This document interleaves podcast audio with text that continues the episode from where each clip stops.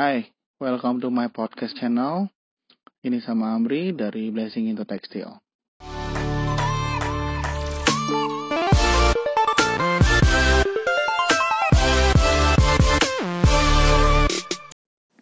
Ya, pada episode pertama ini saya nggak akan banyak cerita tentang latar belakang saya, siapa sih Amri Blessing into Textile, tapi ya, teman-teman nanti akan banyak tahu dari cerita-cerita saya dari pengalaman-pengalaman pribadi saya episode per episode. Jadi, mari kita mulai.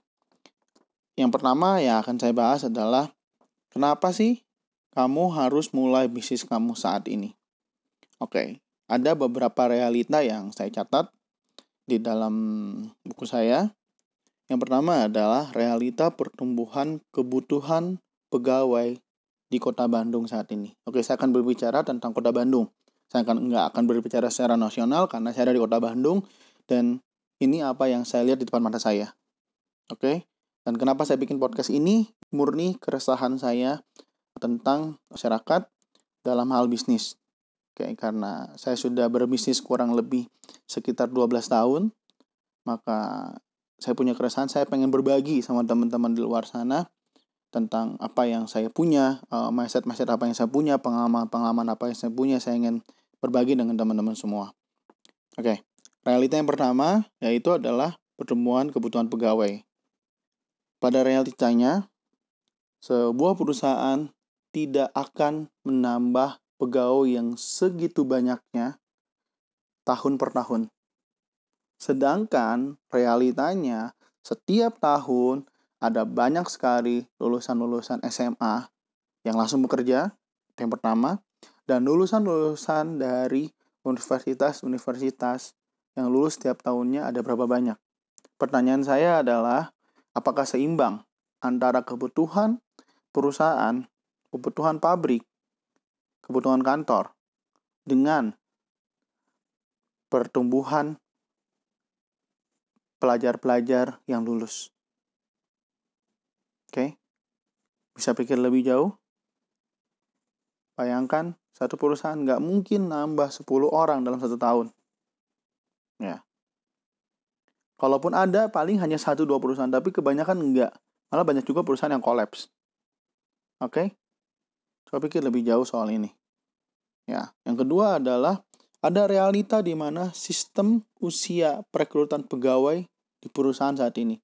Tahukah Anda kalau saat ini untuk info yang saya tahu yang cukup akurat adalah di sebuah perusahaan pembuat makanan ringan, khususnya coklat, itu usia perekrutan buruhnya itu berada di angka 27 tahun maksimal. Setelah 27 tahun, dia akan ganti dengan yang lebih muda lagi, yang artinya kurang lebih kalau usia 17 atau 18 sudah lulus dan mau kerja di sana, berarti dia cuma punya waktu 10 tahun. Yang artinya setelah 10 tahun itu Anda harus pikirkan lebih lanjut Anda mau ke mana. Oke, okay, karena dia biasa kontrak kayak gitu, habis itu dia nggak akan lanjutin. Oke, okay? dan kalaupun uh, Anda mau melamar, itu biasanya akan sangat-sangat susah kalau Anda udah di usia kepala tiga. Oke, okay? jadi Anda harus pikirkan lebih panjang lagi ke mana Anda mau melangkah. Karena ini nggak akan mudah. Oke, okay? yang ketiga adalah realita kenaikan gaji dibanding dengan pertumbuhan harga. Mari kita bicara belak-belakan. Betul, uang bukan segala-galanya, tapi betulkah juga bahwa segala-galanya butuh uang? Kita mau kencing aja bayar.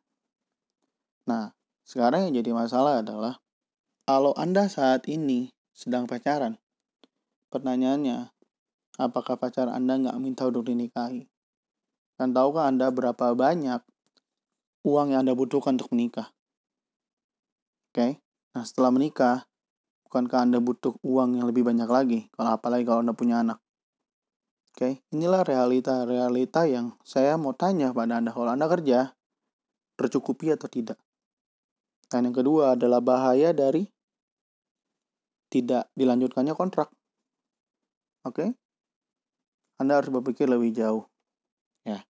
Oke, yang keempat adalah pertanyaan yang Serius saya pengen nanya ini sama Anda semua. Sampai usia berapa Anda mau kerja? Dan sampai usia berapa Anda bisa kerja. Itu yang harus Anda pikirkan lebih jauh. Ya, dengan tadi yang saya bilang ada usia perekrutan pegawai, berarti di usia tertentu Anda akan kesulitan sekali mencari kerja. Dan kalau Anda kerja, apa yang bisa Anda wariskan? Akan sangat susah sekali mewariskan skill-skill Anda dalam bekerja. Karena apabila anak Anda suatu hari bekerja di perusahaan yang lain, maka skill-skill yang Anda miliki kemungkinan besar tidak akan bisa dia aplikasikan di perusahaan yang dia tempati. Biasanya akan cukup berbeda satu perusahaan dengan satu perusahaan yang lain, biasanya berbeda sistem. Oke? Okay? Nah, jadi tadi kita udah berbicara tentang kenapa, why. Ya, sekarang saya akan berbicara tentang konklusinya apa jadinya. Jadi, apa yang harus dilakukan? Yang Anda harus lakukan adalah start saat ini sebelum terlambat. Usahakan bisnis, start bisnis itu sebelum menikah. Dan sebisa mungkin sebelum punya anak. Kenapa? Karena kalau Anda udah punya anak, Anda akan susah sekali untuk bergerak. Anda akan susah sekali untuk melepaskan pekerjaan Anda. Kenapa? Karena kalau Anda melepaskan pekerjaan Anda dan langsung Anda beralih ke bisnis, itu gila namanya. Itu gila. Serius itu gila. Ya. Karena Anda memiliki uh, kebutuhan pokok di mana harus Anda harus memiliki sekian juta per bulan untuk memenuhi kebutuhan keluarga Anda. Kalau Anda langsung tiba-tiba bisnis, belum tentu jalan. Yang jadi masalah itu. Oke? Okay? Jadi, start bisnis Anda dari sekarang. Kalau Anda masih belum menikah, start dari sekarang. Kalau Anda udah menikah tapi belum punya anak, Anda bisa start pelan-pelan. Nanti saya akan ajarkan di episode-episode yang akan datang bagaimana cara start bisnis walaupun Anda sedang bekerja. Oke? Okay? Dan yang kedua, saya cuma mau ngomong kayak gini. Percayalah, bisnis itu nggak butuh modal untuk awal. Serius, nggak butuh modal. Saya merintis usaha saya di dunia tekstil tanpa modal. Bahkan saya dalam kondisi minus. Oke? Bagaimana caranya? Nanti saya akan cerita sama teman-teman semua.